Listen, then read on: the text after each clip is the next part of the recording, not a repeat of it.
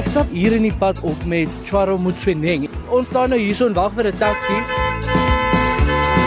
Chwaro, ek wil by jou weet. Watter tekens moet 'n mens gebruik wanneer jy byvoorbeeld ingaan dorp toe? Dit hang af. Die tekens wat jy gebruik of is nie dieselfde nie. When you point up, that's when you go into town.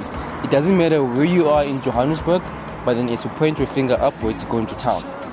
So jy sê dat daar drie verskillende tekens is wanneer 'n mens na 'n uh, plaaslike buurt toe gaan. So when you use the as if you're holding a tennis ball, that's when you go into a taxi rank in Roodepoort. It's actually when you go into a local place. Now, there's another hand signal as if you're pointing forward, the single finger, that's when you go into Reimsig. As you put out your hand, that's like a high five years, you get up to um, clear waters and so forth. Depends how far.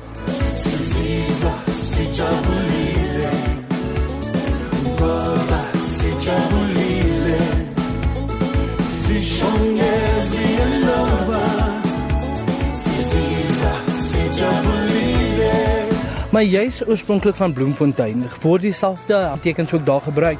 Ja, ons gebruik dieselfde teken ja. Wanneer mense na plaaslike buurte toe gaan, dan gebruik jy van hierdie verskillende tekens. Ek het ook al tevore gesien dat mense hulle wysvinger afwys.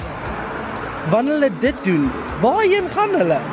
There's different uh, locations where a person can actually go. Normally, when you point down, you just go around the community.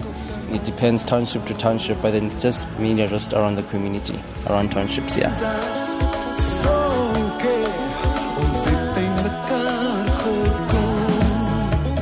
Wat as daar meer as een mens is wat jy mee staan, wat ook wil gaan, dan hou jy ook net jou wysvinger in die lug? Jy, jy, jy gebruik dieselfde nie.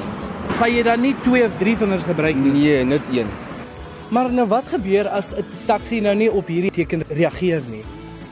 Taxi is not taking people in or it's not loading people. It just has own agendas or it might even happen that it's not a taxi. Hierdie taxi tekens is nie almal dieselfde afhangende waar jy is en waarheen jy gaan. Maar as 'n mens net taxi tekens ken, is dit genoeg.